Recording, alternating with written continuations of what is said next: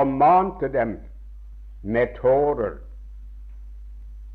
Og da han så var på reise til Rom, sin siste reise i denne verden, så møtte han en flokk av Efesus-menigheten, de eldste fra den menigheten, i eh, byen Milet. Og så står det at han sa til dem dere skal komme i hu at den gangen jeg var hos dere, så holdt jeg ikke opp med å formane dere, hver enkelt med tårer, og at jeg ikke holdt noe tilbake, men jeg forkynte dere hele Guds råd. Vi snakker om bibelkurs. Vi snakker om å ha det godt og få høre meget og få større lys og større kjennskap til sannheten. Men tenk de menneskene, venner, som var frelst ved apostelen Paulus, og så veiledet av ham i samlet flokk og på tomannshånd natt og dag i tre år, og så får hele Guds råd forkynne seg. Han holdt ingenting tilbake. Annerledes var det når det gjaldt i troen i Korint, f.eks. Da sa han jeg kan ikke tale til dere som til åndelige og som til voksne, men bare som til små barn. Og når det gjelder hebreerbrevet, så står det om dette, om Kristus som ypperste prest etter Melkesedeks vis, har vi meget å si. Men det er vanskelig å utlegge ettersom dere er blitt trege til å høre. Jeg ga dere ikke fast føde, men melk, for dere er blitt sådanne som må ha de første grunner i Guds ord om igjen. Og så begynte han på det barnestadet hvor de sto og holdt en hel del av Guds råd og Guds sannhet tilbake når det gjaldt dem, menigheten i Jerusalem. Men når det gjaldt etersene, så sto de på det nivå det åndelige plan at der overfor dem risikerte han ingenting ved å forkynne dem hele Guds råd. I Hebrevet 5 står det jeg ga dere ikke fast føde, for de tålte den ikke. Og de tåler den ikke ennå. Derfor må jeg tie med det, og så gi dere de første enkle grunnleggende sannhetene om Gud.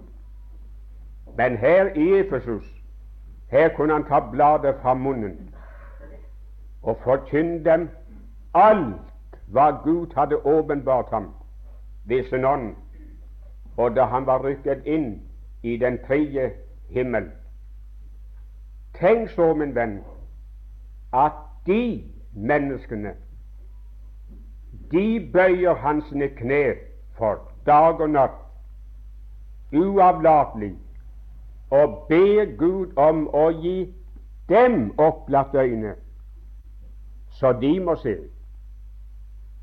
Hvis ikke de så, hvem er det da som ser? Hvis de trengte til å få sine øyne opplatt til å forstå åndelige ting, hva skal så vi si? Og nå var det ikke slik å forstå at det var troende mennesker som hadde slappet av i løpet av de tre årene. Dere vet, så lenge en vekkelse varer, og like etter vekkelsen, så kan man være i fyr og flamme Da er broderkjærligheten stor og rik, og da har man tro, hadde jeg nær sagt, i overflod, så man kunne låne litt til en stakkar som har for lite. Der står stemningen under taket. Men så snart en liten stund er gått, så begynner de troende å klage over situasjonen. Det er blitt så sløv, så slapp. Nå kommer ikke folket mer. Nå, nå savner vi den, og nå savner vi hin. Og når vi kommer sammen, så må vi nesten slite et vitnesbyrd ut av dem. Og vi kjenner ikke mer den varmen imellom oss som vi kjente i den tiden. Slik, min venn, var det ikke i Efesus.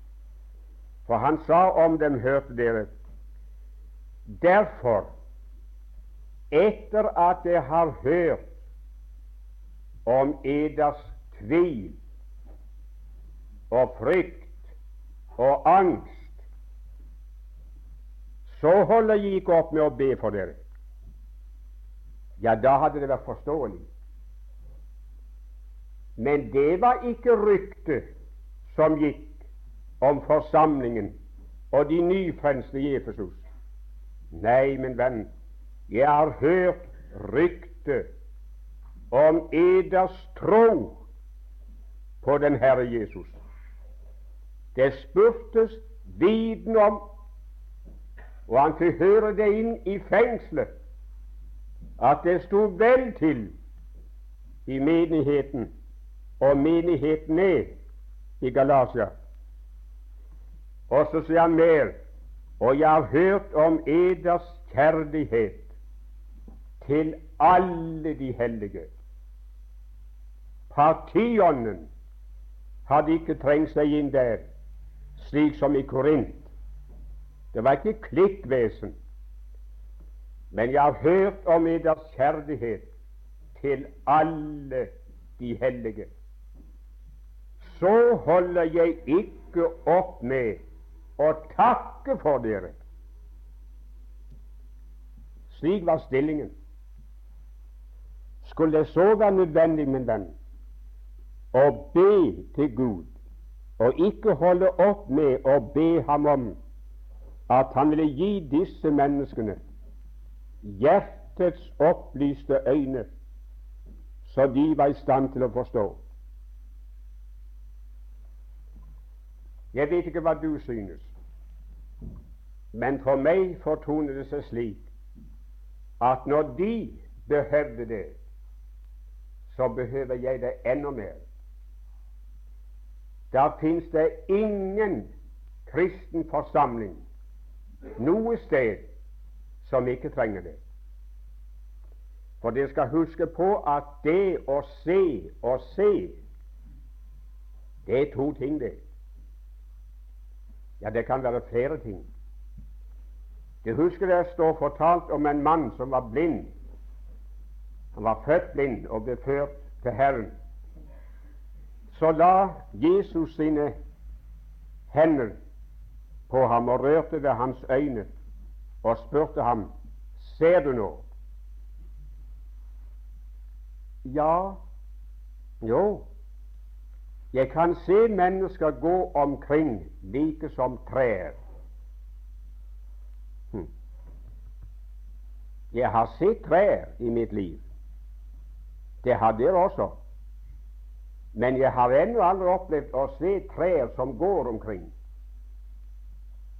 Jeg har sett grenene og kronene blagre i vinden, men jeg har aldri sett dem spasere. Men du skal unnskylde den stakkaren, min venn. Han hadde aldri sett trær før, og aldri sett mennesker før. Han bare hørt snakk om dem. Nå var han ikke ganske stenblind. Nå kunne han se noe. Han kunne se trærne som beveger seg i vinden. Men om Herren ikke hadde gjort mer for ham enn det, så hadde han ikke hatt stor ære av den helbredelsen. Men da mannen sa som det var fatt, så står det om ham at Jesus la om igjen sine hender på ham og rørte ved ham og sa, Ser du nå? Ja, nå kan jeg se klart på frastand. Se, det var noe annet. Det er én ting, min venn, å se og ha sett så meget at de er frelst, Å se noe som er med så å si kloss inn på livet. Men det er noe annet å oppleve at Gud om igjen legger sin hånd på meg og rører det mitt indre hjertes øye, mitt hjertes forstand, så jeg kan forstå og se klart på frastand i åndelig mening. Og det har aldri vært noe jeg har behøvd mer i mitt liv. Og det er ikke noe mer jeg behøver i dag i mitt liv enn at Herren vil bøye seg hen til meg, om igjen legge sin hånd på meg og røre ved meg og hjelpe meg til å se. Her snakkes meget om hva som er de troendes største behov for tiden. Og det nevnes mange ting. Min dypeste overbevisning er at nettopp her er vårt største behov. Det å få øynene klarere opplagt, så vi kan se Og når vi det kan, min venn, så kommer alt det øvrige som er ulaglig i vårt liv, i orden.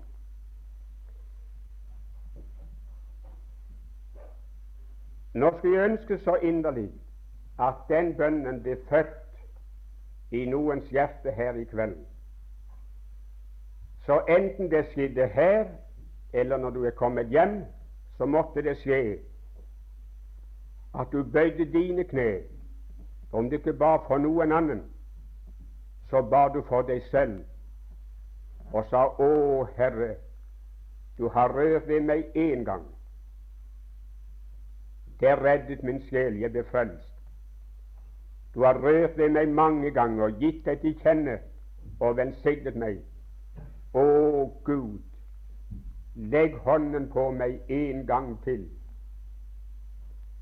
og lukk mine øyne opp, så jeg kan forstå hvilket håp jeg er kalt til, og hvor rik på herlighet den arv er som Han har i de hellige, og hvor overvettet stor Hans makt er for oss som tror etter virksomheten av den veldige kraft som han viste på Kristus Jesus.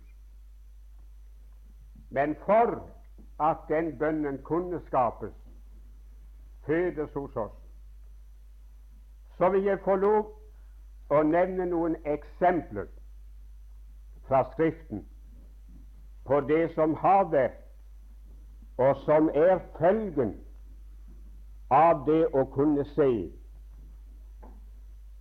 og hvis du bevarer det, så kan ikke jeg tenke meg noe annet. Det vil gå med deg som det har gått med meg. Jeg har bøyd mine kne for Gud og bitt den bønnen om igjen, og bitt den mange ganger.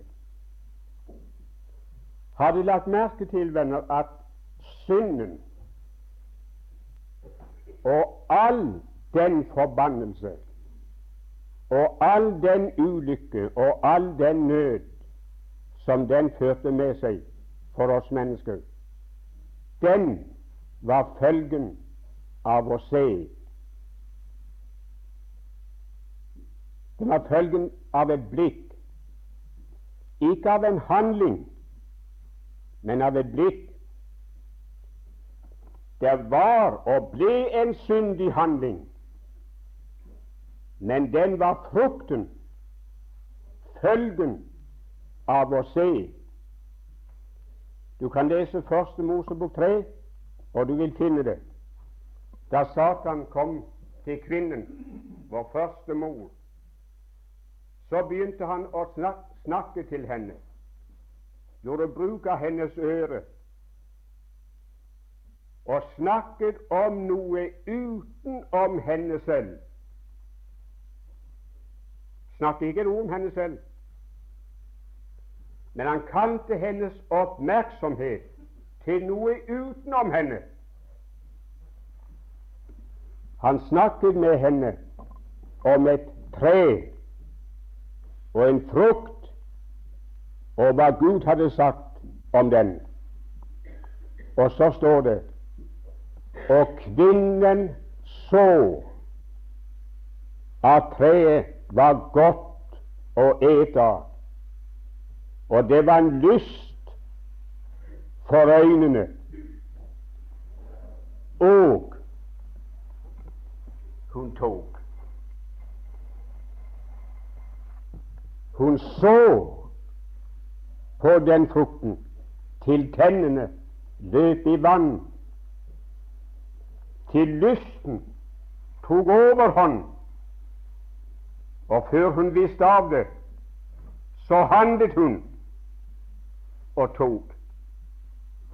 Så var ulykken skjedd. Og dere kan gå Bibelen gjennom og lese om de mange fall av de forskjellige kvinner og menn. Og de skal se det kom som følge av det de så og var opptatt med med sitt øye. Tenk på hva det f.eks. står om David. Vi snakker så ofte om hans fall. Men hva kom det av? Han satt på taket av sitt hus og så den kvinnen.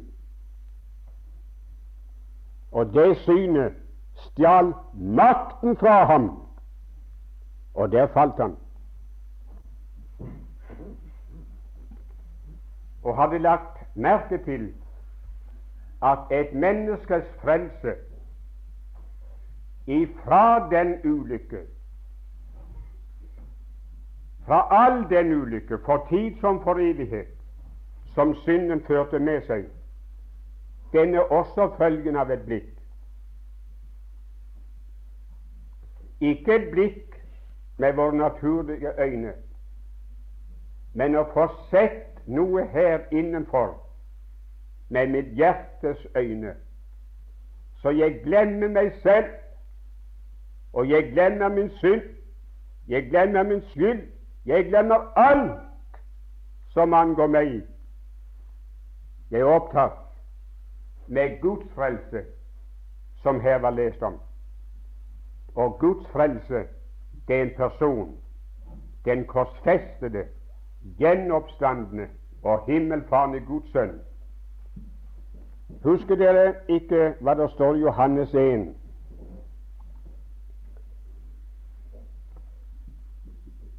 Da Johannes døperen sto der og prekte nede ved Jordan, så hadde han talt en hel del om Jesus fra Nasaret. Men eh, de hadde vanskelig for å tro ham. De kjente ham ikke og forsto ham ikke. Men plutselig, mens han står og taler om ham, der ser han Jesus kommer. I parentes sagt Min venn, det er det beste vi kan gjøre om vi ønsker å få se og merke Kristi nærværelse imellom oss. Snakk om ham. Forkynn ham. Tal om ham. Og Den hellige ånd skal kjennes ved ham. Og før du vet det, som er Å, her er han. Og med en gang han så ham bort på strandbredden, så sa han Se der Guds lam som bærer, som tar av veien verdens synd. Og ved det blikk, min venn, ved å få se det skue, at han tok verdens synd på seg, den som kom inn i verden ved det første blikk, den som får se det syn, han er reddet. Han er frelst, og han blir frelst. Det er merkelig så forkjærte vi mennesker òg. Nå har jeg reist og talt Guds ord vidt omkring, i landet og utenfor landet en del, helt siden 1907. Det er mange år, det, og til i kveld. Og jeg har møtt mange mennesker som vi har betegnet som frelsesøkende folk. Mennesker som gjerne vil frelses, og gir uttrykk for det. Men hør, min venn, jeg har ennå til gode å møte en eneste som ikke har spurt hva skal jeg gjøre for å bli frelst? Jeg har ennå til gode å møte en eneste en som spør meg Gjertrem, hva er det jeg skal få se for å være frelst? Hva er det jeg skal få lov å høre for å bli et frelst menneske? Nei, det spør ingen om. Det ser ut for vi er født med det anlegget at vi vil og vi må få gjort noe for å frelses. Og Gud forlanger at vi gjør noe for å frelse oss. Og så har vi såpass god tro om oss selv at hvis jeg bare får visst hva jeg skal gjøre, så skal jeg få se Gud som skal henge i. Så skal det ikke stå igjen på meg, så skal jeg gjøre det. Så har du trelldommen. En trelldom som fører til vantro, mørke og fortvilelse, håpløshet. Nei, min venn, Gud frelser ikke syndere på samme måten som legene forsøker å hjelpe og kurere syke mennesker.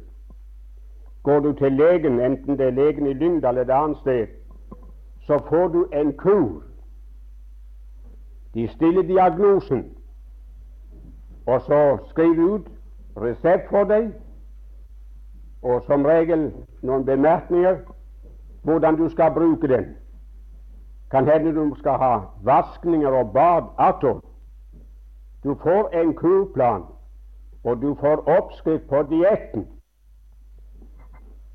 Ja vel, så får du den, og så går du hjem, og så begynner du å kure. Så Treffer du inn så vet du har vært klein og vært hos doktoren, og så spør de nå har du vært hos doktoren.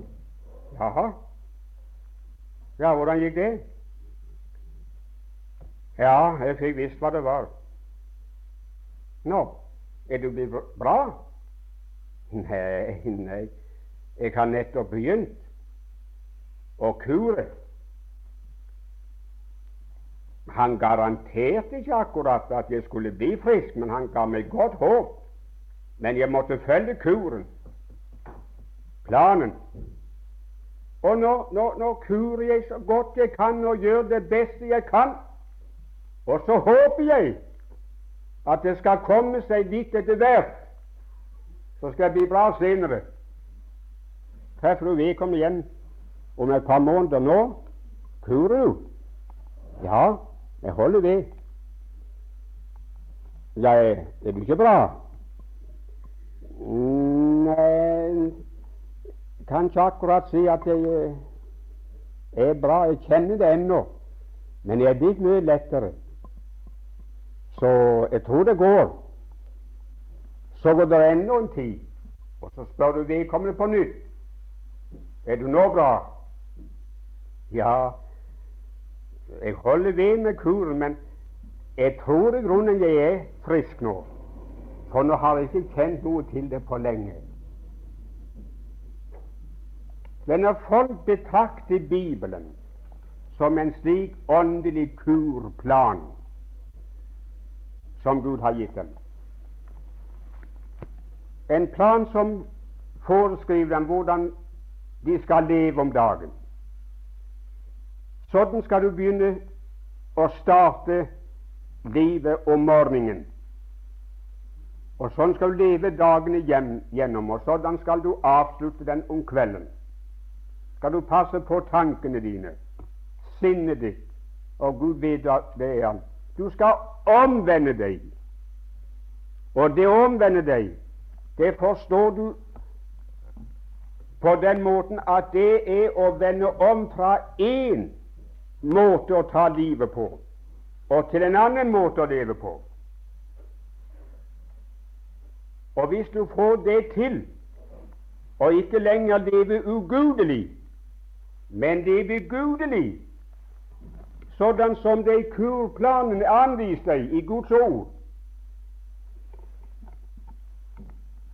Gi Gud ved ditt liv, innvortes utvortes, det Han forlanger av deg, så tror du du skal bli frelst.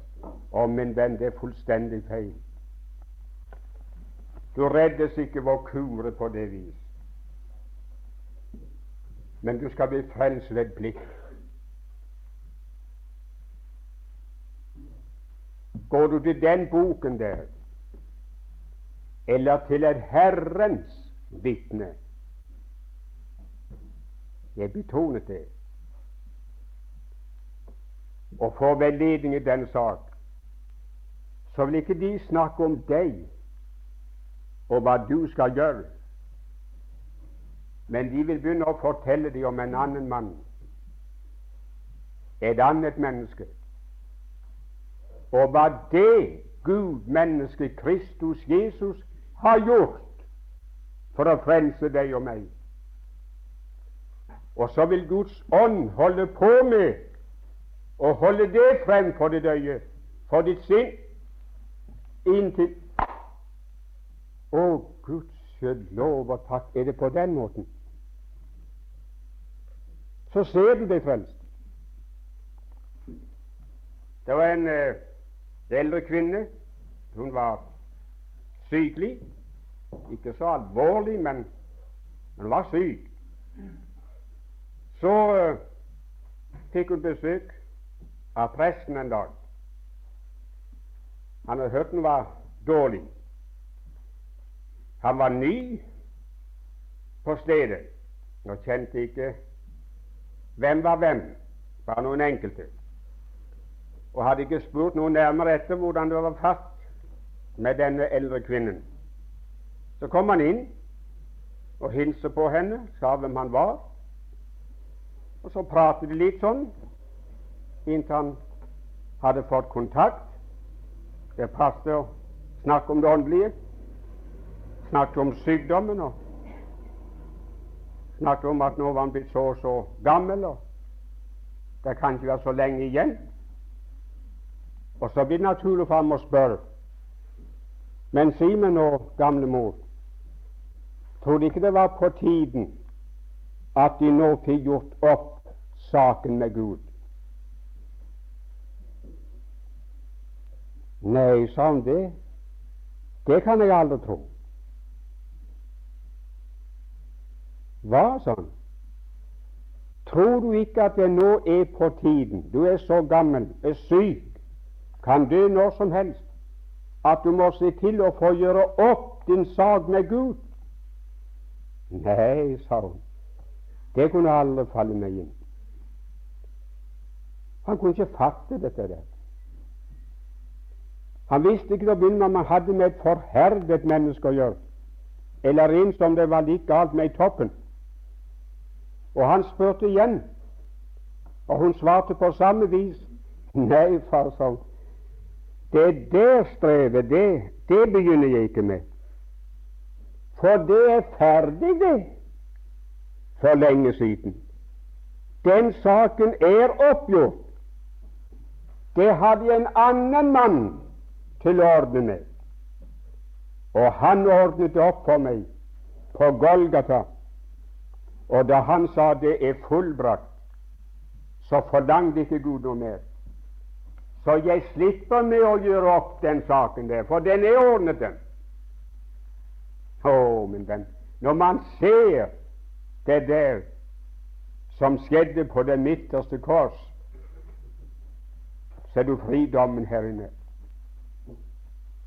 Så får du vitnesbyrd om dine synders forlatelse og får kjenne freden fra Gud som fyller ditt hjerte.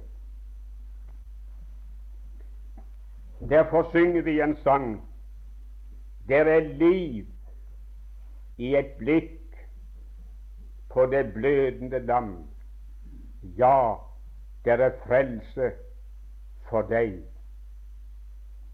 Se, se og lev. Det er hemmeligheten. Har du fått sett? Hvis ikke, så trenger du det, min venn, at dine hjertes øyne blir latt opp, så du kunne se det, at din sak er gjort opp, og den blir gjort opp ved Guds sønns eget dyre blod. Og jeg står her, min venn, for å rope til deg så varmt, så sterkt, så klart jeg kan hva det står i Jesajas før. Trøst, trøst mitt folk. Tal vennlig til Jerusalem og rop til dem. Rop det! Det er om å gjøre at de får høre det. Hvisk det ikke bort i en krok, men ropte at din strid er fullendt, og din skyld den er betalt, og du har fått dobbelt av Herrens hånd for alle dine synder. Det gjelder deg som sitter her, enten på galleriet eller nede i salen. Vil du ta imot det? Det er opp til deg. Det neste jeg vil nevne,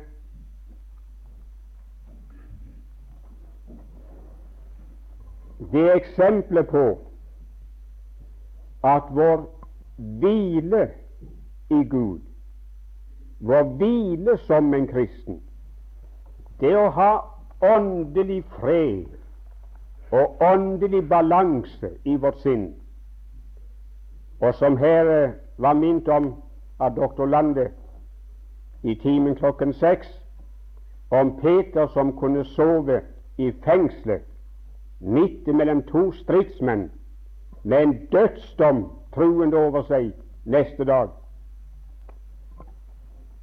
Denne også, en slik hvile, den også følgen av å se.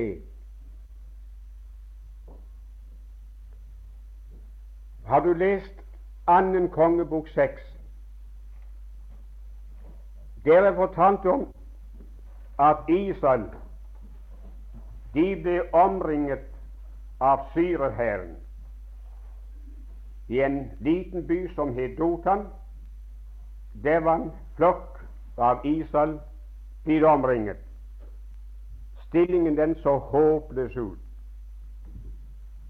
Ute på fjellet utenfor byen, der sa profeten Elisa og sammen med ham en av profetguttene, Gehazi. Så står det at Elisa sa til Gehazi Gå bort på fjellet der og se om du kan se noe. Så gikk han og så. Jo, det så han. Så kom han tilbake og sa til Elisa Å, min Herre Nå kommer det igjen. Hva skal vi gjøre? For hele syrerhæren har beleiret oss. Hva skal vi gjøre for å berge livet? Det var ingen fred, det var ingen ro. Så sier Nei, han sa ikke noe til gutten. Men så bøyde Elisa sine kne, og så ba han for ham og sa, Herre, opplat guttens øyne, så han må se. Var han blind? Han hadde jo sett syrerhæren. Jaha, men allikevel så han ikke. Det var noe han ikke så. Han så alt som hadde med faren og døden å gjøre, men han så ikke det som var deres frelse og redning. Og så ba Lisa, å Gud, lukk øynene hans opp så han får se. La han få se det samme som jeg ser. For Elisa, venner, han satt i fred og ro og var trygg på fjellet. Han var ikke nervøs. Så står det at Gud opplot guttens øyne, så han så. Ja, jeg glemte noe. Elise hadde sagt til ham først Du bør ikke være redd, Gehazi, for de er flere de er flere, de som er med oss. De som er med oss. Det er her nå? Er det ikke bare oss to som er her? Nei, altså, vi er ikke alene, vi. Det er mange med oss. Og de som er med oss, er flere enn de Ikke flere enn syrerhæren, men de er flere enn de som er med dem. Det var en usynlig hær på begge hold som den gutten ikke så. De regnet han ikke med. Han regnet med seg selv og fienden. Og hva skal vi tro gjøre? overfor den overmakten. Du snakker om at det kunne gå på nervene løs. Det kunne jo ta forstanden fra et menneske. Det var jo håpløst. Men så lukket Gud øynene hans opp, og så så han og så at hele fjellet hvor de satt, var fullt av gloende hester og vogner. Kjære folk, det hadde han ikke sett før. De var det, man hadde ikke sett dem før. Elisa visste det, for han så da de kom ned. Da Elias blir tatt opp til himmelen Det er noen som eh, jeg hører sier at Elias for til himmelen i en ildvogn i en gloende vogn. Det står ingen plass i Bibelen, min venn. Jeg vet ikke hvor de har det fra. Men i Bibelen står det ikke. Men det står at Elias han for i stormen opp til himmelen. Men gloende hester og vogner kom ned Det var erstatningen for Elias. Så da han gikk bort fra Elisa, så fikk han Han hadde bedt om å få en dobbeltdel av hans ånd og kraft, men han fikk ja, men mangedobbelt. Han fikk en himmelsk hær til sitt forsvar av gloende hest og vogner. Og da han så de komme ned, sånn Å, Israels hære og vogner. Men det hadde ikke Gehazi vært til stede og sett, så de regnet han ikke med. Og så nyttet det Hør nå godt, folk. Det nyttet ikke for Elisa å preke det inn i guttens hode.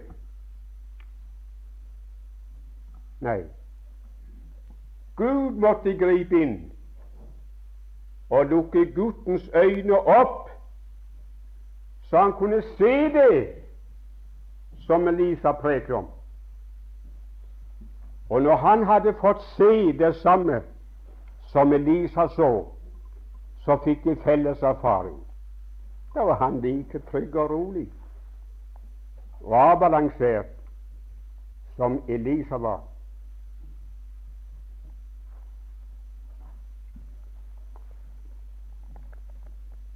Jeg har sagt det mange ganger slik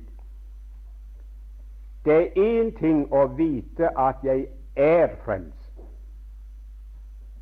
men en ganske annen ting er å vite hvorledes og i hvilken utstrekning jeg er frelst. Paulus han skrev til Timotius og sa jeg vet at jeg tror. Punktum. Hva? Ja, men den, det er jo det lengste de fleste troende er kommet til. Og når de er kommet så langt at de tør tro det at de tror, så er de fornøyd. og så er det opp og ned med deres tro. Nei, min venn, han sier ikke det. Men han sier 'Jeg vet på hvem jeg tror'. Og jeg vet at Han er mektig til, osv. Det er én ting å vite at jeg tror, er en troende, men noe ganske annet er og så kjenne Ham som jeg tror på, og vet hva jeg har å regne med som er Guds barn. Det er når jeg ser det, at det legger seg til ro her inne. Og bare da Enda et eksempel. Vi snakker så ofte om seier i den troendes liv. Eller skal jeg heller si vi snakker om det å holdes oppe og bli bevart i denne vonde, vanskelige, farlige verden. Og det er ganske riktig. Men hvordan kan det skje? Også det er følgen av et blikk, av det vi ser, det vi er opptatt med her innenfor Vesten. Du husker kanskje innholdet av Matteus 14. Det er det det er fortalt om den gangen da, da disiplene var ute på Genesasjøen og kom ut i et forferdelig vær. De kjempet hardt imot bølgene, og de stridde imot alt hva de kunne, og de skrek av redsel og regnet med at nå dør vi. Så plutselig så du noe merkelig borte på sjøen. Avstanden var litt lang, de kunne ikke skjelne riktig hva det var. Men det kom nærmere, og alle vendte blikket én vei. Alle glemte været, alle glemte stormen, alle glemte havet. Alle glemte tyngdeloven, alle glemte faren bare stirret på det de så bort på sjøen. Og det var en mann. Han kom nærmere og nærmere, og de kunne ikke få sine øyne fra ham. En mann, et menneske som gikk på løse vannet.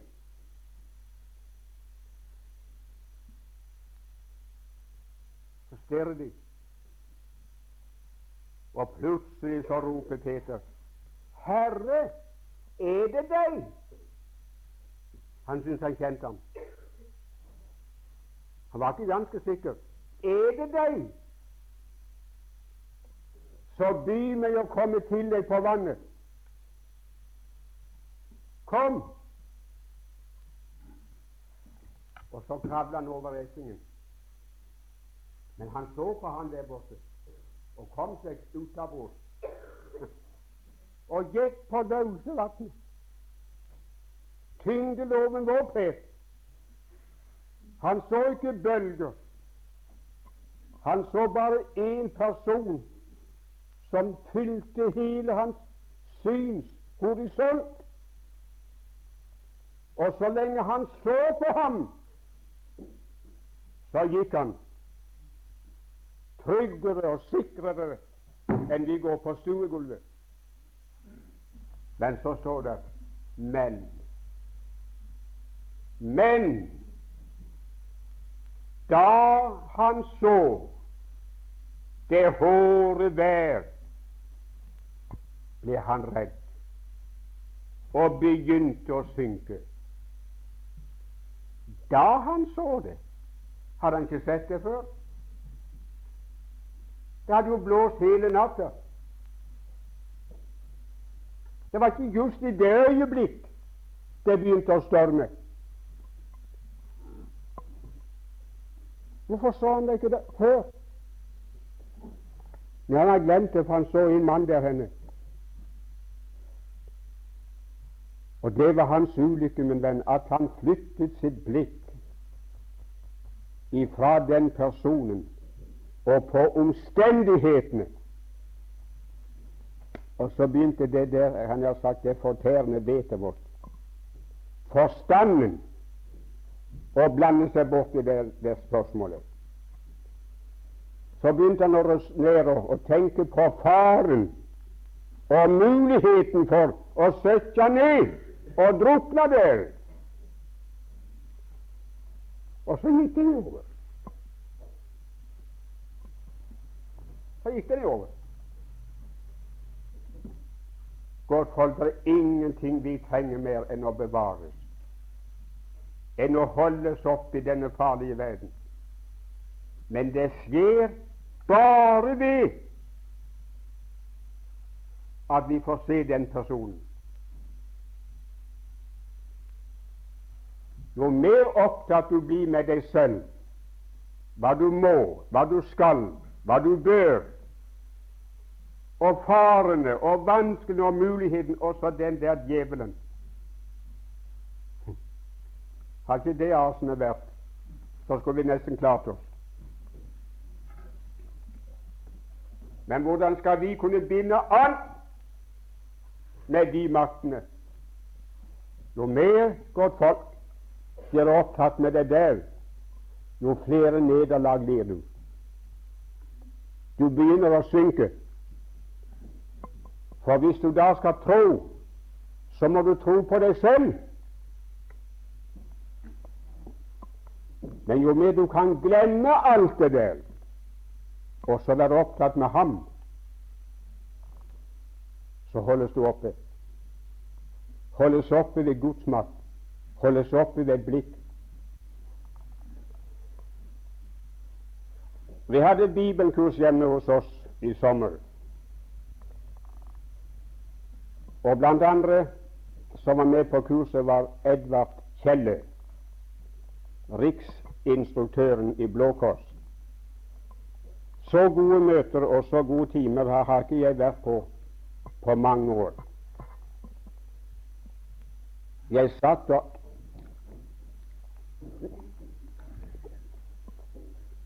og spiste og svelget alt det jeg orket. Og jeg kommer aldri mer til å glemme da han tok oss med til 1. Peters 5. Og du verden alt jeg hadde lest der og prekt om det. Og så har jeg bare rodd på overflaten av det. Mange hadde fått hjelp av det jeg hadde prekt om det, det jeg hadde sett i det. Og jeg satt der på benken og skammet meg for at jeg ikke skulle ha sett det der. Der står Han leste verset på sin forunderlige, rolige, hjertelige, varme måte. Så sa han her står Satan går omkring som en brølende løve og søker hvem han kan oppsluke. Har dere lagt merke til, spurte han, at Satan går omkring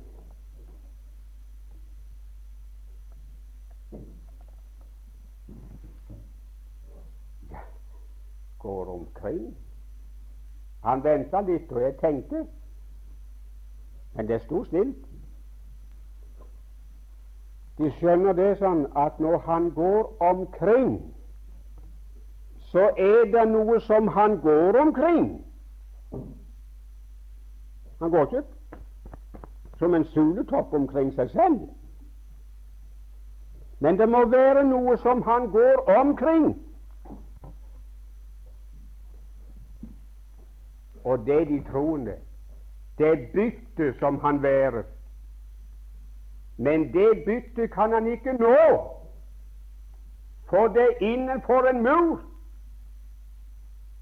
For Herren leirer seg trint omkring dem som frykter ham. Og så må djevelen nøye seg med å gå omkring. Åh, Den som kunne fått tatt dem? Men muren holder, og gjerdet for høyt.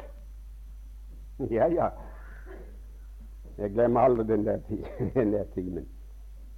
Og det ser det for meg rett så der om dagene. Han går omkring. Ja, ja, jeg må se å finne en ende på dette her. Hvordan skal jeg finne den henne?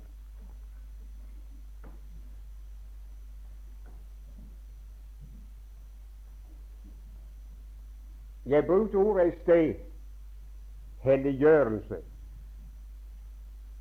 Det å bli mer hellig, eller som det uttrykkes i, uh, i sangen var jeg mer det Jesus lik, eller mere lik Jesus, mere lik Jesus.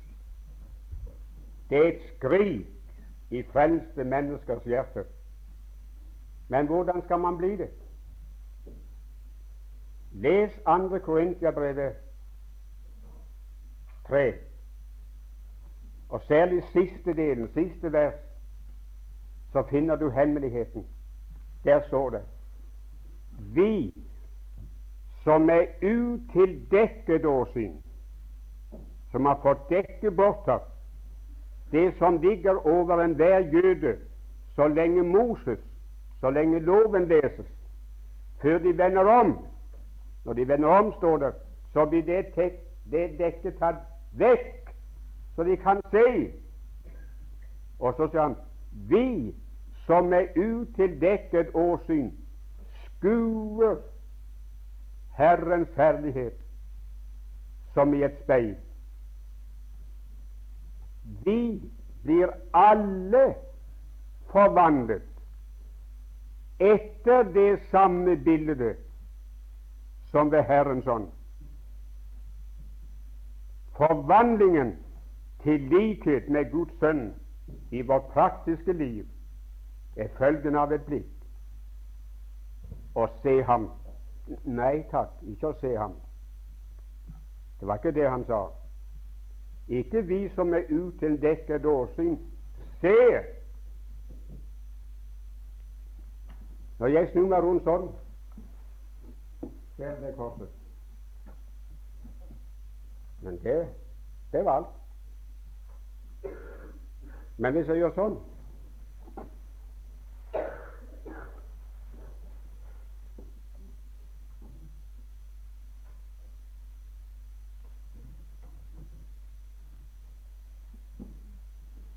Så skuer jeg det.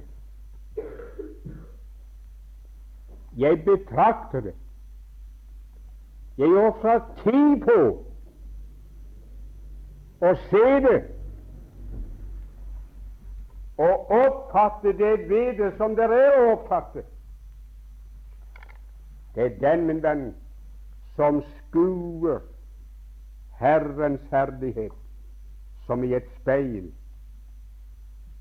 som blir omdannet og forvandles til likhet med Guds sønn. Til slutt i Johannes første brev, kapittel 3 og vers 2, står det Dere elskede, nå er vi Guds barn. Takk og lov. Det er greit. Nå er vi Guds barn. Og vi vet det, sier Johannes. Men det er ikke ennå åpenbart hva vi skal bli. Men det vet vi, at når Han åpenbares, så skal vi bli ham lik, for vi skal se ham som han er. Det har vi aldri ennå sett. Til i dag har jeg bare sett noen bruddstykker av ham og hans herlighet. Noen bitte, bitte små glimt av ham. Men de glimtene de har vært så effektive, så virkningsfulle, at de slet og rev meg ut fra et lettsindig liv i synden da jeg var en ung mann. Og de har hatt makt og evne til å holde meg oppe og bevar meg hos Herren til denne kvelden, i alle disse årene, ifra jeg var 18 år gammel. Du store verden, når vi skal se ham som han er. Jeg er glad for at det ikke er rom for skamfølelse i himmelen, for da vil ikke jeg komme der. Da vil det blitt forferdelig å være der. Og det, jeg tror nesten det første jeg ville ha skammet meg over, det er alt jeg har stått på prekestolene i dette lange liv og forkynt om Kristus. Jeg vil skammet meg over det. Og jeg vil ha sagt til meg selv Å, du store verden, er det sånn? Slik kunne jeg forkynt evangeliet. De skal se ham som han er. Ingenting er skjult. Vi skal få spise av den skjulte manna som er satt inn i helligdommen, og som ingen kjenner.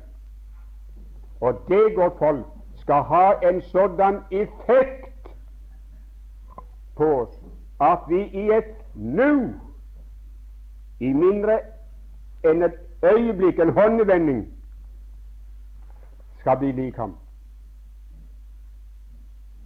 Vi skal forvandles i et nu, i et øyeblikk. De lærde sier at det står egentlig i et atom av tid.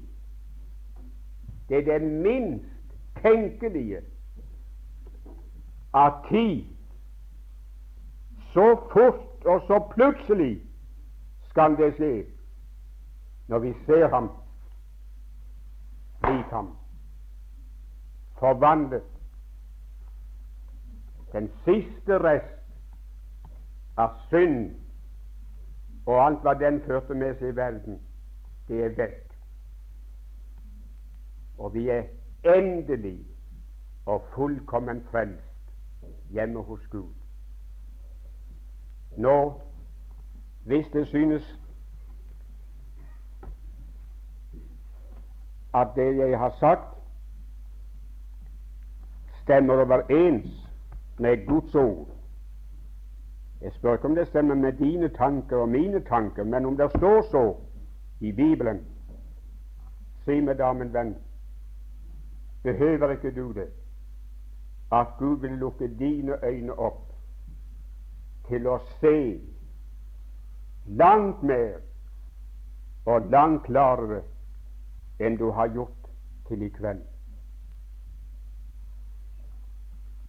Fader i himmelen,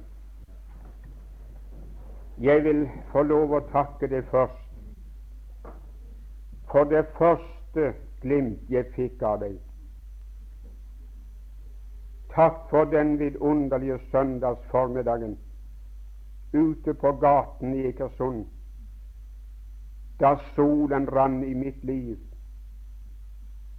da jeg fikk se at du var såret for mine overtredelser knust for mine misgjerninger. Straffen den var lagt på deg for at jeg skulle ha fred. Og ved dine sår har jeg fått legedom. Det reddet mitt liv, og det reddet min sjel. Det reddet meg for tiden, og det reddet meg for evigheten. Og takk for alle de blikk Din Hellige Ånd har hjulpet meg til å få på deg og av deg inntil jeg står her i kveld. Om jeg ikke det hadde fått, så hadde det for lenge siden vært forbi med meg.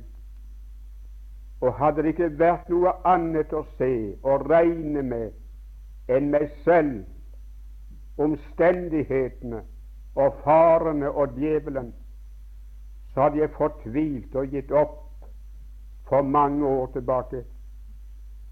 Men det har vært noe annet å regne med. Det har vært en frelse som rommer alt det som hører med til liv og gudsfrykt. Og bare ved blikket på Ham som er din frelse, og som er min frelse, så har det gått igjennom både de gode og de tunge og vanskelige dager. Og det skal holde meg oppe de siste skrittene som er igjen. Gud velsign denne flokken som kom og satt her i kveld. Sitter du frelst menneske som ikke har talt så direkte til i kveld, og gi dem et inntrykk ved en ånd av at det er godt å være en kristen. Vi eier noe. Det er ikke bare noe snakk, men der står en virkelighet, en realitet bak det vi snakker om, som vi eier, som vi kjenner, som vi lever i, som har skapt ro og fred der inne i hjertets verden, og vekk en uimotståelig trang i deres hjerter og få lodd og del i det liv. Og syng dine barn. Du vet hva enhver har å slite med om dagene. Gi dem å få se din person og din herlighet og bli så opptatt av dem at de glemmer seg selv. Så holdes de oppe. Så venter vi på stunden, Herre når du kommer igjen, og i et nu, et øyeblikk, i et atom av tid, forvandler oss og likedanner oss, likedanner vårt fornedelseslegeme med ditt herlighetslegeme, så passer vi for å være sammen med deg gjennom alle evigheter. Amen.